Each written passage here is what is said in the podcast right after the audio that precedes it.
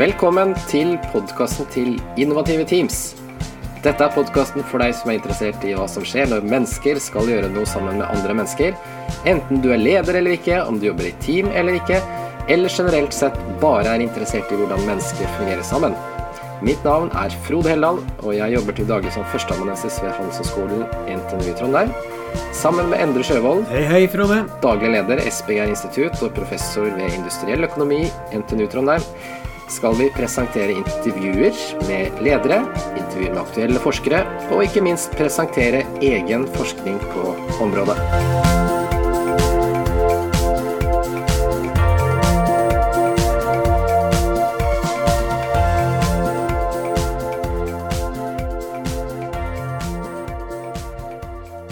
Jeg så heldig å sitte her med Lill Sverresdatter eh, Larsen. Og det er jo en person som har vært mye i media siste. En veldig god figur i flere forskjellige nyhetsorganer, og er toppleder i Norsk Sykepleierforbund. Lill, hvem er Lill Sverresdatter eh, Larsen? Tusen takk for en fin innledning, i alle fall. Eh, Om jeg kjenner meg igjen det, er jo en annen ting. På flere av de tingene. Nei, toppleder er jeg jo, definitivt. Og ellers er hun ei eh, dame fra Jossevatn, Balsfjord. Det er en uh, bitte lita bygd eh, litt eh, sør for Tromsø kommune. Jeg er gift, jeg har eh, fire barn. To av dem har født sjøl. Jeg er veldig glad i fjelltur. Jeg har vært og gått eh, rando i eh, randotur og lang, lang skitur i helgene. Det er Lill. Veldig bra, så da har du jo mye å gjøre på jobb, og mye å gjøre på fritida òg, hører jeg. Så det er eh, supert. Og Lill, vi går rett til kjernen, vi. Eh, og dette skal jo da handle om ledelse, og litt eh, eh, i forhold til de du jobber for, skal vi si det sånn. Sykepleiere og Mhm. helse må vi ha litt om, og også litt hvordan det er å bevege seg i det politiske landskapet der jo du er da på, på, på det Mhm. nivået, for å si det sånn. Så vi begynner med, eh, holdt på å si det eh, store og vanskelige spørsmålet hva er god ledelse? For meg er god ledelse det å eh, sette retning. Jeg er opptatt av visjoner. Vet du, en mann som har jobba innenfor eh, reklamebransjen i, i noen år, så når jeg ble kjent med han, så prata han på den tida om at kanskje du skal lese Ona Fyr.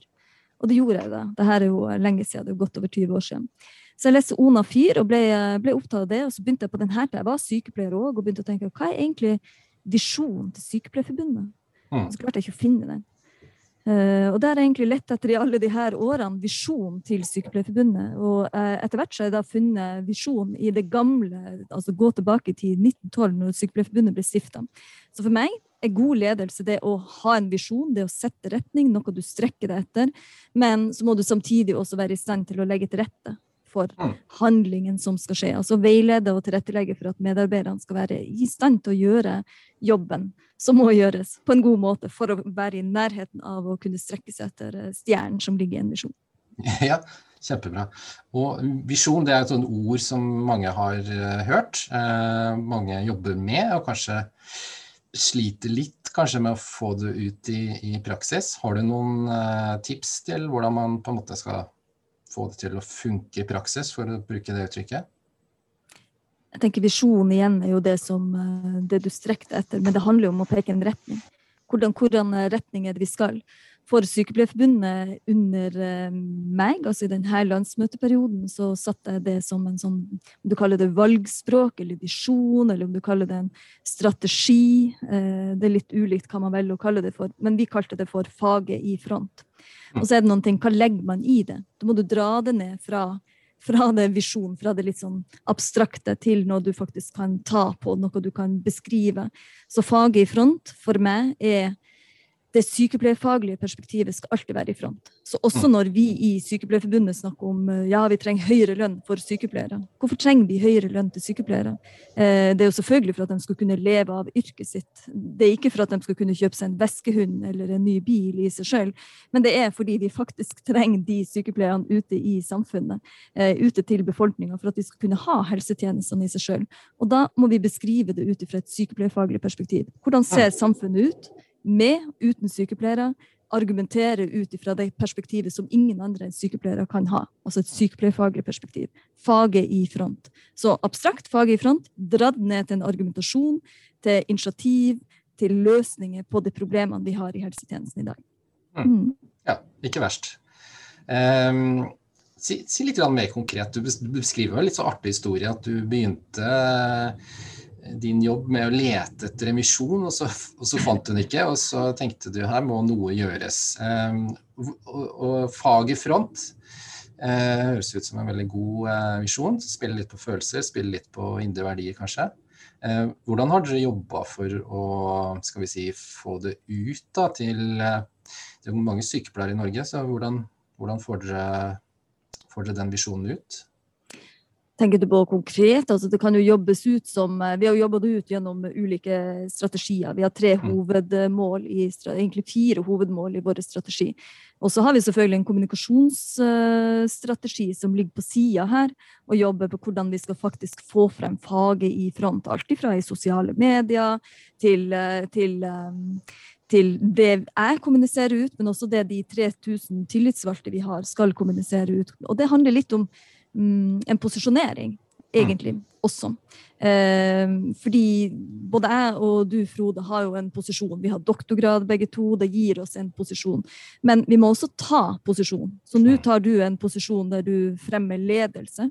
Eh, jeg har gjennom forbundslederhatten min så har jeg en posisjon der jeg kan prate ut ifra sykepleierne, men jeg må også ta den. Eh, det finnes mange nok som vil kunne si at ja, men sykepleiere er ikke så innmari viktig i helsetjenesten. For mm. eksempel. det er viktigere å høre på legene, eller det er viktigere å høre på økonomen, eller, eller hvem det mm. enn måtte være. Så mm. faget i front er jo også det å ta en posisjon som ekspert på eh, helsetjenestene, som en ekspert på sykepleier, for det er det ingen andre som kan gjøre. Så det er både en sånn her eh, taktisk dratt ned, altså både strategier som er dratt ned, og taktikk, hvordan vi jobber videre helt konkret med de fire hovedmålene, og så er det kommunikasjonsmål som henger på sida, og der må du også dra det ned til det vi skal vise eksternt, og det vi skal jobbe med internt. Mm. Mm. Ja, eh, bra. Du, du, nevner jo, du begynte med å nevne dette med, med retning eh, mm. også. Um, jeg vil uh, høre litt mer først om uh, faget i, i, i, front, som jo er, den er spennende. Og uh, også, litt som du sier, den, denne posisjonen og kanskje med bakgrunn i den posisjonen sykepleiere har hatt. Tenker du at eh, en visjon må ha en sånn viss grad av stolthet i seg, kanskje? Eller noe sånn følelsesbasert? Noe som gir eh, ikke bare retning, men kanskje også noe inspirasjon? det ligger jo i en sånn retorikk. All retorikk som blir utforma, og en visjon skal jo selvfølgelig svare ut ifra det, altså med patos, etos og logos. For vår del så tenker jeg etos vår ligger i at vi, vi, er sykepleiere. Vi er 123 000 sykepleiere. Vi er eh, nøkkelpersonell i helsetjenesten uansett hvor du er, uansett hvor du bor. Så etosen trenger vi på en måte ikke å jobbe så innmari mye med. Vi er der uansett. Skal mm. være der uansett. Ingen andre kan gjøre vår jobb på den måten. Og Så er det jo patos. Det er noen ting med det skal vi selvfølgelig vekke en inspirasjon til hvorfor er det vi gjør det her. Sant? Faget i front, men hvorfor er det i front? Hvem er det foran i så tilfelle? Og da viser du tilbake til pasient, mm. til pårørende, til helsetjenester, til det samfunnet som vi liker å ha. Sant? Det samfunnet vi har vent oss til at du skal kunne ha likeverdige tjenester, iallfall idealet om likeverdige tjenester uansett hvor du bor. Så i front foran noe. Vi kommer jo fra det her med pasientens advokat, som jeg tenker sikkert mange har hørt om, men som sykepleier blir lært opp eh, til helt fra begynnelsen. Skal være pasientens advokat. Og for å være pasientens advokat, så må du ha sykepleierfaget ditt i front. Da må du, du må kunne faget ditt. Eh, så det ligger både en inspirasjon til at det er eksternt, du skal beskytte noen. Du skal være i front, sånn som nå under covid-19-pandemien, så går eh, sykepleierne og helsepersonellet går på jobb. De er i front foran noen, de beskytter noen. Men for å kunne gjøre det, så må du kunne argumentere med faget ditt. Så det er også en sånn stolthet med å bygge opp den kompetansen du faktisk har. Mm. mm. Og det ligger logos, Da kan vi bruke logos-argumentasjon mm. hva er det faktisk sykepleieren gjør. Eh, hva er sykepleierens ansvar? Oppgaver, eh, rolle, posisjon opp mot eventuelle andre yrkesgrupper, og ikke minst i helheten i samfunnet som sådan. Vi er ikke en utgift, vi er en, uh, definitivt noe som, som bidrar sterkt inn i samfunnet, også med inntekt. Mm. Et litt utfordrende spørsmål, kanskje, men når du tok over, da, eller eh, kanskje også før du tok over, har du, har du, kjent på at sykepleiere kanskje trengte litt mer stolthet i, i virket sitt? Jeg stilte jo til valg fordi at jeg mente at vi måtte dra frem mer av faget vårt. Som sagt, er, Vi har snakka om det her mange ganger. altså Både det om å være kvinner, det å ikke ha en plass med bordet, altså ikke være med deg i beslutningsprosessene der ting skjer. Sånn at vi er nødt å dra stolen til bordet sjøl. Altså Om det ikke står en stol her, så må du dra den til bordet sjøl. Som en kvinnedominert uh, organisasjon. 90% av alle sykepleiere er jo fortsatt uh, kvinner, dessverre. Sort of. Vi trenger langt flere. Mann kan bli sykepleier. Um, men som jeg var opptatt av, at du nødt ikke bare å komme til et bord. Uh, du må ha valuta med det bordet. Du må deale med et eller annet. Du må ha en valuta. Og Derfor var faget viktig å trekke, trekke frem i så måte. Det er vår valuta. Det er vår argumentasjon. Det er våres, uh, for alt vi skal få til, så er det sykepleierfaget vi er nødt til å fremme. For pasient, men ikke minst også for oss sjøl og den sykepleien sin utvikling. Mm. Og det er klart at når jeg overtok, og når jeg stilte til valg, så var det fordi at jeg syntes at en NSF som sådan var blitt for interessepolitisk fokusert, for tung på interessepolitisk. Og det betyr jo ikke at ikke, Vi har tre bein å stå på. Vi har interessepolitikk, vi har fagpolitikk og vi har samfunnspolitikk. Og de er likestilt. Du kan ikke vekte det bare på det ene, du kan ikke bare vekte på fag heller. sant? For at du nød, altså Sykepleierne er nødt interessepolitikk er jo lønn og arbeidsvilkår osv. Og, så og det må vi alltid jobbe med, og det skal vi alltid jobbe med. Men vi kommer ikke til Det er ikke fordi vi fortjener det, det er fordi samfunnet trenger oss. Og det er en sånn markant skille i hvordan vi argumenterer for, um, for, um, for, for det som samfunnet trenger, det, det som sykepleierne trenger. Mm. Veldig bra. og uh, et siste spørsmål liksom på introen, dette med god ledelse og visjon har vi snakka en del om. Uh, funker det? Får dere det til? Det funker. Det, jeg vet det funker. Eh, jeg visste det før jeg Det var derfor jeg kjente det sånn sterkt inni meg. Så det er mye patos selvfølgelig som ligger i det. Det er en mm. grunn til at det, eh, det var ikke fordi at jeg absolutt ville bli toppleder som sådan. Det er fordi at jeg kjente en brennende inni meg at det her må vi få til. Ja. Og det er, jeg mener det. Det er, det er ikke bare for sykepleieren sitt ve og vel. Det er for at, at vi skal være i stand til å ta vare på det samfunnet vi har. Det betyr noe. Det betyr noe for meg, det betyr noe for ungene mine. Alle vi som har eldre foreldre som, eh, som kommer til å trenge helsehjelp innen relativt uh, kort tid. Det betyr noe. Og det funker. Jeg har vært på, um, på en vårseminar med barnesykepleierfaggruppa vår. Vi har 36 faggrupper i Sykepleierforbundet. Jeg var ei ut av dem her i morges. Og um, holdt egentlig litt sånn lignende her, å snakke om faget i front. Og jeg ser det jo oss dem, og jeg merker det oss sykepleierne. Det, det gir en ny, ny giv til å kunne fortelle hvorfor vårt fag er viktig. Mm.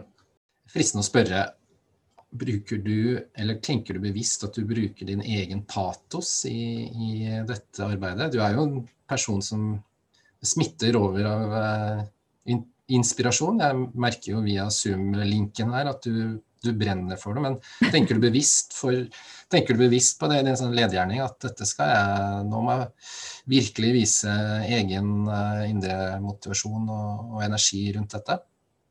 Jeg er jo blitt eh, Jeg kan både Jeg kan retorikk. Uh, så selvfølgelig gjør jeg det også bevisst. Men samtidig så har jeg alltid sagt det på den måten at jeg, jeg vil være en utrolig dårlig selger hvis jeg ikke tror på det sjøl. Jeg må tro på det. Jeg må ha Eh, jeg må, ja, jeg må, rett og slett ha trua på det sjøl. Jeg Jeg, jeg finner ingen patos hvis jeg ikke har trua på det sjøl. Men jeg bruker det definitivt bevisst, eh, både i taler og i både internt og eksternt. Det jeg både skriver, Jeg skriver jo det aller aller meste sjøl, og jeg skriver talene mine stort sett sjøl. Og det mm. handler nettopp om at det må komme fra meg mm. personlig, ikke nødvendigvis eh, privat, men må være personlig, og det er en patos i det. Mm. Ja. Spennende. Eh, tenker du at det kan være tips til eh, andre ledere også? At de må Kanskje det du sier i ytterste konsekvens, at hvis du ikke har den patosen, så bør du kanskje gjøre noe annet? Du burde kanskje finne deg en annen plass å jobbe på. Ja, jeg mener det. Mm, ja. um, og i det ligger det også Jeg vet ikke om du kommer noe inn på det, men for meg har det Jeg liker veldig godt John, John Cotter sin, sin teorier rundt det med leadership og management. For være, det er mange typer ledere, mange typer forskjellige ledere, og det, det, er ikke alle ledere som passer på alle bedrifter, nødvendigvis heller. Men i helsetjenesten så ønsker jeg meg langt, langt, langt flere ledere som får tid og rom og uh, ramme til å drive leadership, mm. og ikke bare management. Og det er en stor forskjell på de to. ikke sant? Hvis du tenker at management er den her administrative, og vi trenger definitivt administrative ledere, men vi trenger dem som har leadership Og, Og i leadership så ligger patosen, det ligger retninga, Mm. det ligger visjonene, det ligger endringen, muligheten til endringen. Det å se scenario. Hvor skal vi hen? Om fem år? Om ti år? Hvor skal denne avdelinga hen? Ja, bare kort inn fra sidelinja. Det er jo et fagbegrep av en teoretiker som Cotter som trekkes eh, opp om management og leadership. Og Cotter er jo definitivt ikke den første som trekker opp dette skillet. Kjente størrelser som Minsberg, Drucker har, har gjort det. Og bare litt eh, mer forklaring. Lill gir jo en god inngang. Eh, leadership, eh, ledelse på norsk. Management, kanskje vi ville sagt administrasjonsstyring. Men eh, litt eh, mening faktisk i å bruke de engelske begrepene, for det er litt annerledes. Og jeg syns egentlig en forsker som heter Bass, altså en av fedrene til transformasjonsbasert ledelse, sier det veldig bra. Han sier som følger Leadership er å finne stien, management er å følge stien. Leadership er å gjøre de rette tingene, management er å gjøre tingene riktig. Leadership handler om å spørre hva og hvorfor. Management er å spørre hvordan og når. Leadership handler om motivasjon og inspirasjon av mennesker, og danne en felles visjon i kontinuerlig endring. Leadership handler om å ofre og ta risiko for å fremme visjonen. Tilbake nå til Lill. Og det som ofte er problemet innenfor helsetjenestene, er at det blir management. Mm. Og selv om du kan tenke deg at de alle på et sykehus, f.eks., de laveste det er mange ledernivå, ikke sant? fra topplederen som er sykehusdirektør, og ned til avdelingsleder, ikke sant? klinikkleder, avdelingsleder osv. Men ned på det aller laveste nivået, der er det stort sett sykepleierledere. Og de kan lede en plass mellom 60 og kanskje opptil 300 ansatte. Mm. Det er ikke satt av noe tid til leadership. Hvor skal du kunne se hver og en enkelt ansatt? Bare det å drive en medarbeidersamtale til de her 300 er omtrent umulig. Så det blir sånn Det blir management. Mm. Og vi trenger leadership. Vi trenger toppledelse som er interessert i leadership, rett og slett, og dermed evne å spre det ut helt ned til hver og en avdelingssykepleier. En avdelingssykepleier på det aller laveste nivået innenfor helsetjenester i Norge ville jo vært eh, toppledere i store bedrifter hvis det hadde vært omgjort til privat. Virkelig. Tenk det. Og så skulle man ikke være interessert i leadership. Ikke sette visjoner, ikke sette retning. Mm -mm. Det hadde aldri verden gått. Mm. Spennende. Og vi, eh, vi beveger oss eller du beveger oss over i, i feltet, holdt jeg på å si. Så det, det er en bra overgang. Og en, eh, en avdelingsleder, nå var ikke han sykepleier, da, men han uh, sa jo noe lignende som det du sier. Han sa ledelse, det er noe jeg driver med hvis vi har tid, sa han. Mm. Og med det så mente han vel at de ikke hadde så mye tid til å bedrive ledelse. Så, men, eh, og du nevner avdelingssykepleier, som jo er en eh, skal vi kalle det en ganske utfordrende lederjobb. du nevner fra 60 til 300 under seg, sant? og dårlig tid og effektivitetskrav og, og mange sånne ting. En sykepleier som leder, eh, hva tenker du er eh, styrker tenker du man kan ha med seg over i en, i en lederrolle som eh, sykepleier? Det er jo som du sier, det er jo noe med de samme verdiene eh, som gjerne ligger innenfor ledelse, som passer veldig godt til eh, sammenfallende med sykepleierverdiene. Det med det å være løsningsorientert, det å ha omsorg. Omsorg ikke bare for pasientene som sådan, men du har omsorg for dine medarbeidere. Uh, og un undersette. Em, det med å uh, Sykepleierprosessen som vi bruker og vi læres opp til som sykepleiere, det er å Sykepleierprosessen er å lete etter problem, problemområdene. Um, det å gjøre observasjoner, finne frem eh, til den kunnskapen som er nødvendig ut ifra det problemområdet du ser. Det å planlegge for tiltak. Mm. Foreslå tiltak, planlegge til tiltak for tiltak. Hva trenger du eventuelt av ressurser for å få det her til? Gjennomføre tiltak. Og så gjøre dokumentasjon av det og evaluere det og se på det på nytt. Sant? Det er en sykepleierprosess. Den går kontinuerlig. Så en sykepleierleder er jo allerede opplært i en problemløsende eh, modell som du har jobba med i mange år som sykepleier. Det tar du med deg inn her. Og? Hva er problemet? Og også det med en sånn type hva er mulighetene som ligger innenfor det her. Mm. Um, så det å tenke en, det som vil være en SWOT-undersøkelse, altså styrker og svakheter, men også muligheter og risiko, det ligger veldig veldig nær til en, eh, til en sykepleier fra før. Mm. Og så er det det med å tenke helhetlig og det å tenke prosessuelt, altså som, som da sykepleierprosessen er en, en del av. Du har et perspektiv på mennesker. ikke sant? En etisk eh, dimensjon som ligger i det. Og ikke minst det med understøttelse av mestring, som jeg tenker òg er viktig. For det er ikke bare, Vi hjelper jo, ikke sant? Hvis du tenker en sykepleier, så skal du hjelpe personen med sine behov til å klare å mestre det sjøl. Sånn at du på en måte støtter og understøtter der personen har noen svakheter grunnet sykdom, f.eks. Eh, og det samme vil jo være innenfor ledelse. Mm. Du skal ikke gjøre alt sjøl. Du skal ikke nødvendigvis som leder være den aller flinkeste. Men du skal være tilrettelegger, og du skal skape mestring hos eh, dine medarbeidere. Sånn at de er i stand til å både vurdere hva er styrker og svakheter hos hvert og ett eh, individ, og da støtte og backe der du ser at det er svakheter, og strekke dem der du ser at det er, er noen styrker. Mm. Så, um, og så har jo sykepleiere jo også opptatt av bruker- eller pasientmedvirkning. Det tenker jeg også en del som du tar med deg som leder, da, det å være opptatt av involvering. Det er ikke ovenfra og ned, og det er ikke en pisk. For du vet at du får aldri i verden en pasient for eksempel, til å piskes eh, opp eller i, til å bevege seg eller til å spise. Det er en involvering og forklaring, men også det å lytte. Bruker vel så mye tid til å lytte ut og prøve å forstå. Mm. Hva er det den andre sitt eh, perspektiv, og hva er det den andre eventuelt trenger? Eller hva er motivasjonen til å si akkurat det som, eh, det som eh, pasienten, eller da den medarbeideren eller kolleg kollegaen i et kollegium sier. Mm. Mm.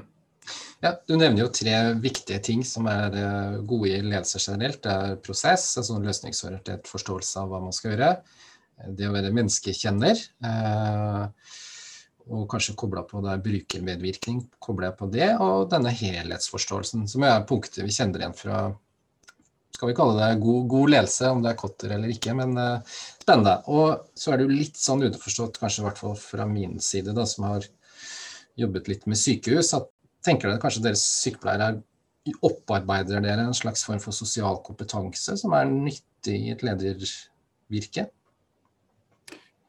Det var et veldig ledende spørsmål, Frode, men, ja. men ja. Det mener jeg jo. Eh, men det er klart at vi har i vår utdanning, så er det der vi har Vi har jo definitivt deler av det er jo knytta til patologi, altså sykdomslære, og det å forstå hvordan kroppen fungerer både i normalfunksjon og, og ved sykdom.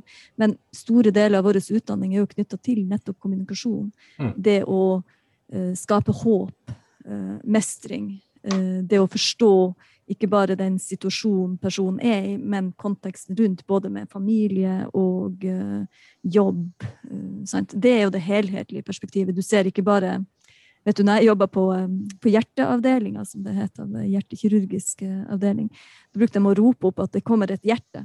Sant? Når pasienten kom opp, var ferdig, ferdig, operert, så det kommer et hjerte. Og jeg husker jeg brukte å reagere på det. Hjertet kommer opp. Det er jo en pasient. Det er jo et menneske som kommer opp, yeah. som da har mm. blitt behandla for, for, for, en hjertelidelse. Det samme er det på en måte her. Det er ikke, det er ikke diagnosespesifikt som sykepleier. Vi er opptatt av en helhetlig. Og Frode, det er ikke bare helhetlig knytta til behandlinga eller pleien av mm. det, den pasienten, men det er et pasientforløp. Mm. Som sykepleiere er, og det tenker jeg en sykepleierleder også ser i langt større grad. De er på en måte eh, logistikkansvarlige. Sånn, mm. Pasientforløpsansvarlige. Så vi ser det når de blir skrevet inn. Vi ser for og planlegger for et helt pasientforløp, f.eks. på sykehus, men også ut i kommunen eller i heimen, i sykehjem eller hjemmetjeneste der det er planlagt at du skal ut. Hva slags andre typer eh, profesjoner trenger du f.eks. fysioterapi underveis, i etterkant? Trenger du en sosionomsamtale? Sant? Men det samme gjør du som leder. Så de er utrolig godt trent til å tenke logistikk og forløp. Skal vi være ærlige, så er det jo et hierarki på et sykehus. Eh, og sykepleiere havner jo eh, ofte i en type lederstilling hvor de må lede leger. Og det kan vel være litt utfordrende, tenker jeg kanskje for, uh, for noen av hver. Ikke nødvendigvis det å lede leger, men det å lede i, i et hierarki. Har du noen innspill eller tips der? Sånn, hva kan ha med seg en sånn type stilling. Si at man er en avdelingsleder, da, eller kanskje til og med en direktør som skal eh, Man må lede et eh, hierarki under seg. I det systemet vi har i dag, eh, det er jo egentlig relativt nytt. altså En sånn enhetlig ledelse som kom på 90-tallet. Før den tid hadde vi jo en todelt ledelse der du hadde en sykepleierleder og en legeleder. Men i dag har vi en enhetlig ledelse. Og da tenker jeg det viktigste man gjør innenfor ledelse der, er, er jo å være både høykompetent klinisk. Det Mm. betyr at du er nødt til å forstå klinikken, altså du er nødt til å forstå pasientbildet og sykdomsbildet og helse osv. Alle de typer tingene som ligger til behandling og pasientomsorg der du er. Mm. Men du må i tillegg ha en organisatorisk kompetanse. Du må forstå organisasjonen du leder. Og i å forstå organisasjon så betyr det òg å forstå de ulike yrkesgruppene som er i en organisasjon. De ulike avdelingene, som heller ikke nødvendigvis er like, og der det fortsatt er ganske stor grad av silotenkning eh, imellom. Eh, men også forstå de ulike profesjonene. Jeg vil jo påstå at sykepleierledere er de flinkeste også der til å nettopp Mhm. klare å se en helhetlig, fordi vi er så vant til å jobbe med de ulike yrkesgruppene. Eh, Vi ser jo at det ofte blir problematisk når det er leger som skal lede sykepleiere, og vi ser at det Mm. også er motsatt selvfølgelig når leger skal bli ledet av eh, sykepleiere. Samtidig så opplever jeg at det var kanskje større grad av utfordringsbilde før. Vi har vent oss til at det er en enhetlig ledelse i Mm. dag. Mm. Og eh, det er ikke lenger en enorm overraskelse om det kommer eh, en sykepleier og skal lede leger. Men det krever at legene også er i stand til å gi innspill ut fra et medisinsk perspektiv, og ikke nødvendigvis ta det som en selvfølge at man skal være en leder. Du må ha en viss grad av eh, kompetanse innenfor klinikk, og du må ha en høy grad av kompetanse også innenfor organisasjon. Mm. Tenker du eh, Du er jo litt inne på det, dette med medisinske spørsmål, som jo er legenes eh, gebet. Og hvis du da er leder da, som, som sykepleier, eh, hvor langt skal man på en måte For noen, noen må man jo bevege seg inn holdt på å si, over i legenes gebet, men kanskje ikke for langt? Eller hva, hva, hva gjør man? Hva tenker du? Da er du inne på det med administrasjon, altså management og leadership igjen. Det er ingen problem for en sykepleier å kunne lede leger innenfor både med leadership, altså det å sette en retning på hvor vi skal hen osv. Mm. Eh, eller å hjelpe dem til å bli de beste utgavene av eh, seg selv, uansett eh, profesjon man er. Eh, når det kommer til administrasjon, så vil det jo være noen, altså management, så vil det jo være noen eh, sjekklister. Der vil det jo òg være Mm. knytta til medisinsk-faglig ansvarlig. Sant? Og en sykepleier kan ikke være medisinsk-faglig ansvarlig, det ligger til legen sitt gebet. Så du må selvfølgelig da ha en lege som har det medisinsk-faglige ansvaret, uavhengig om du er en sykepleier som leder både på leadership og management for øvrig. Mm. Det tenker jeg egentlig uproblematisk. På lik linje en lege vil aldri i verden kunne være Det heter ikke det samme, du har ikke det samme lovverket knytta til sykepleierfaglig ansvarlig, men det selv om det er usynliggjort kan man si, i lovverket, så er det definitivt der i praksis likevel. For legen vil ikke kunne lede um, sykepleiere uten at du skjønner sykepleierfag. Da må du ha en rådgiver eller en hjelper uh, som er en sykepleier, som bidrar inn på, på det. Selv om det ikke er like synlig. Mm, ja. Uh, igjen, spennende, godt svart. Um, stille et spørsmål som kanskje også litt ledende, men du kan jo si hva du tenker om det. Altså, han, Per Bleiklia er uh, mannen som var, eller hadde bakgrunn fra politiet. Uh, Ble henta inn i helsevesenet og var direktør på Ringerike sykehus. Og var såpass populær uh, sykehussjef og tydeligvis god leder da, at han vant en lederpris i 2016. og han eh, ble jo eh, hylla faktisk av eh, et relativt unisont ansatte på det sykehuset han leda. Eh, og det ble litt oppmerksomhet, fordi det er jo ikke så ofte sykepleier- eller sykehusledere blir eh, hylla. Og eh, det som var spennende med Bleiklia, blant andre ting, det var jo at han ikke hadde bakgrunn fra verken sykepleie eller lege, eller som lege, men han var politi.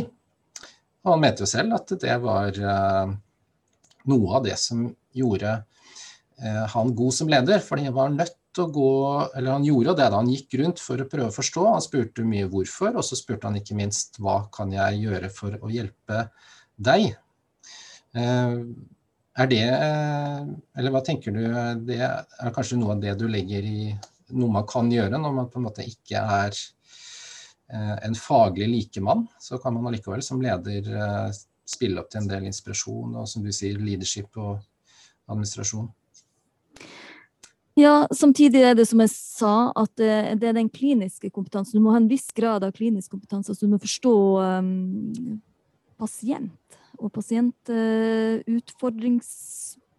Altså utfordringer og mestringsmuligheter og hvordan du som organisasjon For som leder så er du en del av en eh, sant, du er bare en forlenga ledd av en organisasjon som skal mm. bidra til et eller annet. I helsetjenesten skal du bidra til pasientbehandling, til pasientomsorg, og til syvende og sist for at personer skal komme seg gjennom og bli en del av samfunnet igjen, eh, eller eh, eventuelt bidra til at du får en verdig død. Men, men poenget er at du må ha en viss grad av kompetanse innenfor klinikken. Mm. Og uten det så vil du kreve enormt mye for å klare å forstå um, hvordan organisasjonen skal bidra inn for det overordna høyere målet. Derfor er jeg i utgangspunktet veldig veldig skeptisk til at det skal være ikke-helsepersonell som skal mm. lede helsetjenesten. Ideelt sett så mener jeg eh, seriøst at eh, det burde vært sykepleiere som leder sykepleiertjenesten, f.eks. For eksempel. Fordi vi ser utallige eksempler på eh, manglende forståelse for, hvordan, for arbeidsmåtene. For arbeidsmåtene innenfor sykepleie eh, og garantert innenfor andre yrkes, eh, altså profesjoner, men nå snakker jeg for sykepleiere. Mm. Men arbeidsmåtene er jo der av en grunn, og det er det vi ser når det utvikles f.eks. ny teknologi eller en ny standard, en ny sjekkliste. Hvis ikke det har vært involvering fra sykepleiertjenesten, eller nye bygg for den saks skyld, så ser man at hei, det funka ikke. Det, mm. det funker jo ikke hos oss. Det, det, er ikke sånn vi jobber, det er ikke sånn det er mulig å jobbe. Vi er nødt til å være to til stede, eller vi er nødt på intensiven eksempel, å ha et vindu, sånn at når du står alene altså Gjerne se for deg et rom på intensiven. så er det jo, Før var det, lå det flere pasienter på, på ett rom, eh, og det var flere sykepleiere til stede i lag. Og så ble det veldig bra og viktig at skulle, alle pasienter skulle ha ene rom, også på intensiven. Og så lagde jeg en bygg med f.eks. ingen vindu. Og så skal du stå alene og sykepleier der. Du kan ikke gå fra pasienten. Du kan aldri gå fra en intensivpasient, altså skikkelig skikkelig sjuk pasient med masse avansert teknologisk medisinsk-teknisk utstyr, og så ikke engang et vindu så du kan gi beskjed til noen om mm. at du trenger hjelp. Altså Det er bare et sånn typisk eksempel på at noen har tenkt, men ikke tenkt ut ifra de arbeidsmåtene som, eh, som, man har innenfor sitt fagfelt. Mm. Så, og Det samme vil det jo være når du planlegger for turnus, f.eks. For, eksempel. for en sykepleier er jo ikke en sykepleier. Det vil være enorm forskjell på meg som ikke har jobba klinisk siden 2012. Du kan ikke bare sette meg inn i hvordan som helst avdeling som noe varme hender. Du vet jeg ikke liker det uttrykket. Eh, det vil være en enorm forskjell. Så når du planlegger en turnus, så må du ha, legge de, altså arbeidstida til, til, folk, som en leder gjør. Så må du legge det ut ifra at ok, vi har den og den og den pasienten, de har de og de behovene. Da må vi ha den sykepleieren som har den spesialkompetanse innenfor barn, f.eks., innenfor intensiv, innenfor kreft. Og da vet jeg at det, da er det de personene jeg skal hente inn. Sårbehandling, ok, da setter jeg ikke en helt nyutdannet sykepleier til det. Da har kirurgen stått og operert i tolv timer et svært team som har stått og operert i tolv timer. Jeg setter ikke en nyutdannet sykepleier for å passe på sårtilheling. Da betyr det at det kommer, da må du ha en revisjon, altså en re, reoperasjon, i løpet av uh, to dager uansett. Mm. Det er bortkasta penger, og det er lidelse for pasient. Så poenget er at du er nødt til å forstå klinikken, du er nødt til å mm. forstå personene du har med deg, og hvordan den kompetansen er, også for å kunne planlegge for driften i et uh, sykehus, f.eks., eller uansett institusjon, egentlig. Mm. Mens leadership-delen kan du til dels gjøre med skikkelig flinke ledere som er, som er politi, f.eks., og kan ha en drivende både flink å kommunisere og kan være lyttende og prøve å forstå. Men samtidig, hvis du ikke har klinikken, så blir det vanskelig.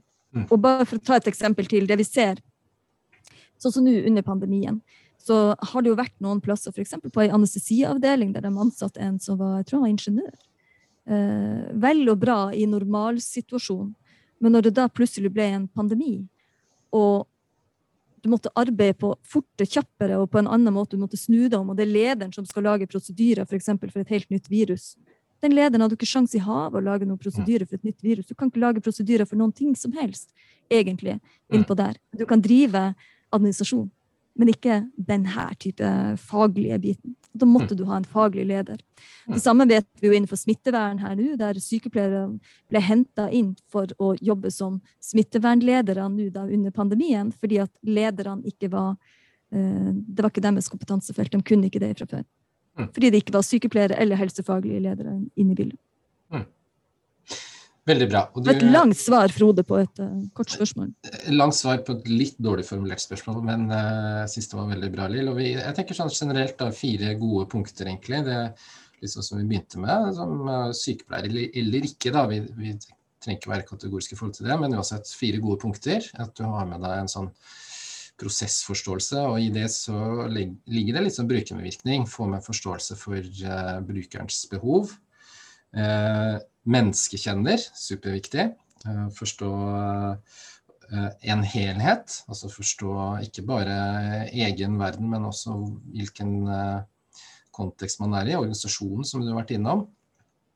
Og ikke minst det siste som, som du eh, snakket eh, varmt og godt om, nemlig å forstå konteksten er viktig. Så i det så ligger det jo det, litt det som vi er glad i i denne podkasten, en sånn praksisforståelse. Ja, så det var fire gode punkter, tenker jeg, som man kan ha med. Om man er sykepleier eller ikke, så er det uansett uh, ting man kan ha med over i et ledervirke. Bra. Ja, veldig bra. Flink til å oppsummere det jeg sier. Alt jeg sier, så får du liksom oppsummert. Du, vet du hva? Det er også ledelse, Frode. Det å klare ja. å forenkle. Det å gjøre det komplekse um, ned til noe som er enkelt å uh, forstå, og enkelt å dermed kunne handle ut fra.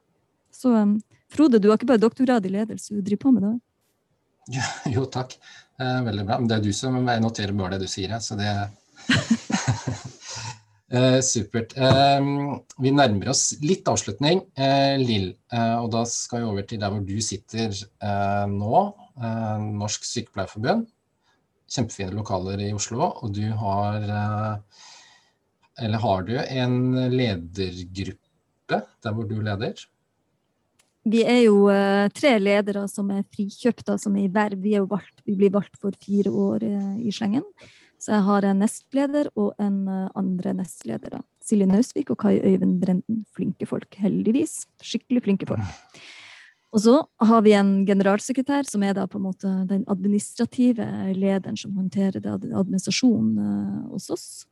Og så har vi en ledergruppe under der igjen, da, som er på tre Det er mange, altså, men, men de tre skal ikke si viktigste, men dem vi samarbeider mest med. Det er mange viktige ledere hos oss òg. Men, mm. Eh, ja. men, det er klart at vi samarbeider mer med fag- og helsepolitisk eh, avdeling. Vi har ei forhandlingsavdeling som da jobber med interessepolitikken i all hovedsak. Og vi har ei eh, kommunikasjonsavdeling. Ja. Så vi har tre toppledere der. Ja. Mm. Det jeg skal fram til, det er hvordan hvordan ser en arbeidsdag ut for deg som leder av Norsk Sykepleierforbund? Hva gjør en toppleder? Går du mye rundt? Hvordan får du teamet til å fungere? Litt sånn, si litt det. hva, hva består virket ditt i?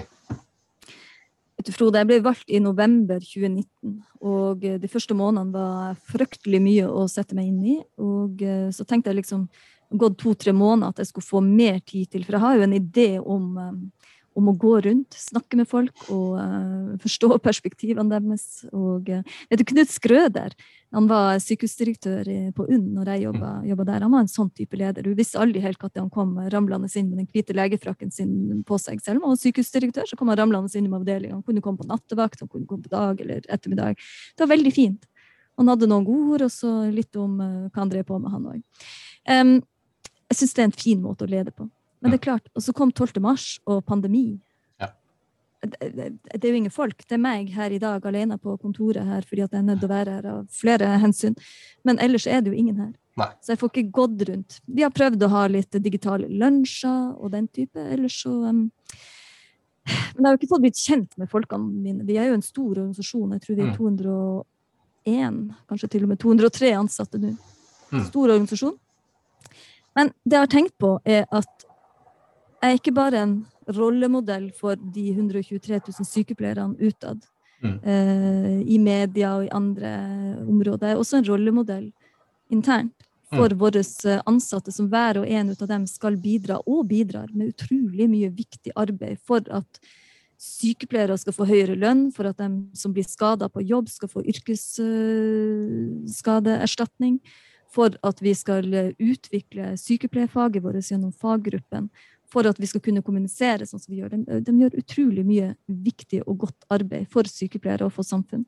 Så poenget mitt er at det er en rollemodell også for dem. Så der jeg mm. prøver å strekke visjonene med fag i front eksternt, så prøver jeg å trekke dem også internt. Hva betyr det for oss? Så um, oppnå tillit kan man jo også gjøre på, på andre måter enn å bare møtes. Jeg og du, Frode, vi har jo fått en bra tillit her nå i løpet av eh, den lille økta her. Poenget vi kan prates, heldigvis digitalt, uansett. Mm. Eh, ja, og Lill, du eh, eh tilbake igjen til faget i front. Eh, patos. Um, og du inspirerer jo i deg selv, det har, det har vi skjønt. Um, men hvordan fanger du opp, kanskje, eller prøver å fange opp at denne faget i front virkelig smitter smitter over da, hos, hos, dine ansatte i Norsk Sykepleierforbund? Jeg har vært opptatt av hele veien om å skape en organisasjon som er transparent, og som har en grad av åpenhet uh, utad. Altså hva er det vi gjør i organisasjonen vår? Hva er det de her 203 ansatte gjør? Men også internt i vår organisasjon, sånn at vi skal kunne tåle vi skal vite noen ting om hva hverandre gjør, men vi skal også kunne tåle å være uenige. Eh, det kan hende at det er Jon Alexander i resepsjonen som har de gode ideene for hvordan vi skal eh, forbedre oss som organisasjon, hvordan vi skal bli enda bedre for medlemmene våre. Han prater, Alle som ringer til resepsjonen, eh, alle som ringer NSF, de når Jon Alexander. Han snakker mm. med mange medlemmer hver dag. Kanskje er det han. Hvordan når er han? Mm. Hvordan får jeg og generalsekretæren og ledergruppa vår eh, sammen når vi har ledermøter, hvordan får vi tak i de forbedringstiltakene fra de 203 ansatte? Det er jo ikke jeg alene som får til noen verdens ting for sykepleiere eller for samfunnet. Det er helt avhengig av at vi får organisasjonen vår til å trekke i samme retning. Det er derfor vi har satt ned et av hovedmålene for denne landsmøteperioden er ett lag. Eh, og det betyr eh, lage det så transparent at, transparent at det er mulig for alle i organisasjonen å vite hva vi egentlig jobber med. Hva er hovedsakene det vi jobber med, hvordan, hvordan er retning, hvordan skal vi kunne bidra inn. Men også det at vi får frem mer samarbeid mellom avdelingene, altså minst mulig silo. At vi klarer å involvere faggruppen som har vært litt sånn på sida som er rett og slett ekspertisen i Sykepleierforbundet. Det er helt nødvendig for faget i front. Men også det med å få med forbedringsmuligheter. Da må vi tåle, da må vi ha litt. Jeg kommer, jeg kommer fra jeg kommer fra Balsfjord, jeg kommer fra nord. Vi må ha litt åpenhet. Altså, vi må ha litt uh, høyt under taket. Vi må ha mulighet til å kunne ta de her diskusjonene uten at det blir En diskusjon er jo ikke farlig. Mm. Så det jeg tenker at mange ganger det å få frem gode diskusjoner eh, og, og sånn tenke, Prøve å tenke at man har sånne tenkehatter på seg der OK, i dag skal jeg faktisk være den som er kritisk, eller, og da skal du være den som bare sier ja, og du skal si, få frem dilemmaene. Mm. Det finnes mange teknikker for å få frem gode diskusjoner, få frem gode dilemmaer som vi kan diskutere og dra med oss videre. og også det er med på å få ned misforståelser og få ned sånne, noen unødvendige konflikter. Men vi må trene litt på det. Det må mm. man i ethvert både lederteam, men også blant, blant de ansatte. at det, En konflikt er ikke så farlig så lenge den er dratt i en retning. Så, så lenge den får frem eh, gode diskusjoner som er åpne og ærlige og ryddige. Jeg bruker å si vet du, Frode, jeg bruker å si at dem jeg har krangla med, det, dem blir, det blir mine beste venner. de har jeg god tillit til etter hvert. Jeg vet hvor jeg har det. Ja, ikke sant?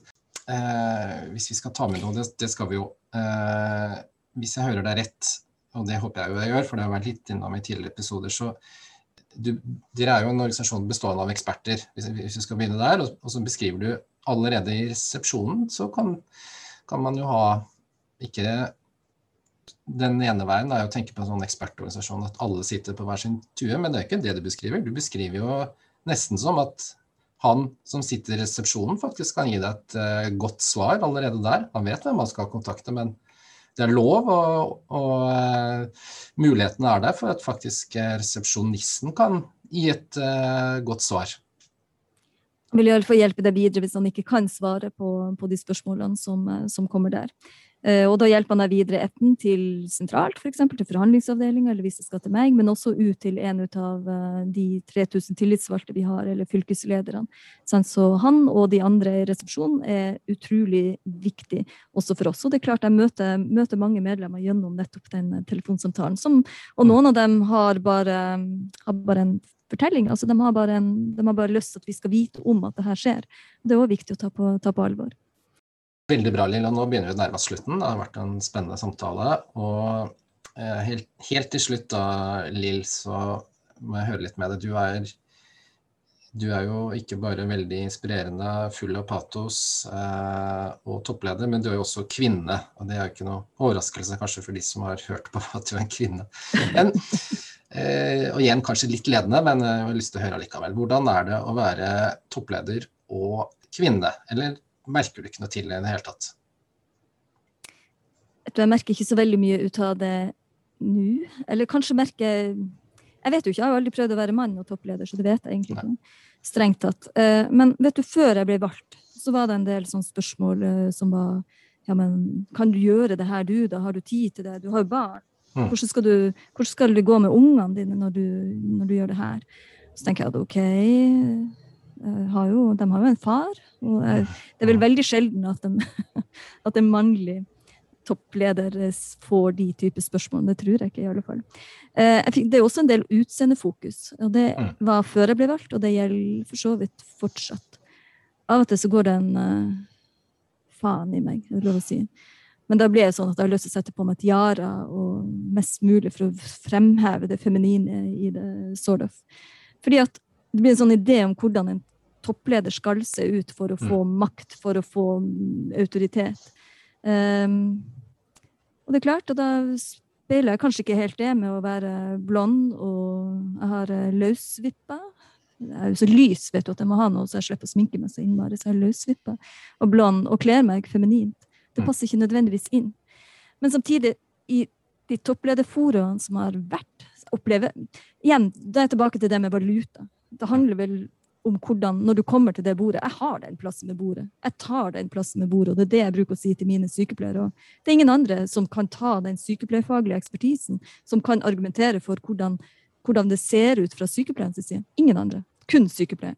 Den plassen står der. Stolen er allerede ved bordet. Du må bare være der. Ta den plassen og argumentere. Og det er samme som jeg gjør. Og jeg tenker at jeg blir eh, lytta til, jeg blir hørt både av helseminister og uh, andre politikere. Jeg blir definitivt lytta til i media. Uh, jeg får mange gode tilbakemeldinger på det. Det, det er ikke fordi at jeg er kvinne i seg sjøl, det er pga. valutaen jeg kommer med. Jeg kan det, det jeg driver på med. Jeg kan mm. mitt sykepleierfag. Og så tenker jeg det En del av det som er negativt, kanskje er Men igjen, jeg vet jo ikke hvordan menn har det, men jeg får jo en del sånn, i sosiale medier, så um, det er jo en del som ikke er så veldig hyggelig. Alltid. Mm. Ja. Eh, bra. Jeg hører jo eh, litt som andre kvinnelige ledere vi har snakka med også. De er ikke så veldig opptatt av om man er kvinne eller mann, men det er viktigere ting enn det. Og det er kanskje viktig å ha med seg hvis man skal være kvinne og leder, i den grad det er viktig om man er kvinne eller ikke. Det er jo kanskje det som er det viktige å ha med seg her, da. Eh, veldig bra, Lill. Jeg har lyst til å kanskje oppsummere med tre ord, ja, hvis vi skal oppsummere hele samtalen som vi har brukt eh, nesten eh, en time på nå. Eh, god ledelse med tre ord. Jeg skal høre om du er med meg på den. Og de tre ordene er faget i front. Er du med på den? Mm -hmm, absolutt. Ja. Veldig bra. Men da sier jeg tusen takk, Lill Sverresdatter Larsen. Eh, lykke til eh, videre med å lede Norsk Sykepleierforbund til eh, de store høyder. Tusen takk, Frode. Tusen takk for invitasjonen.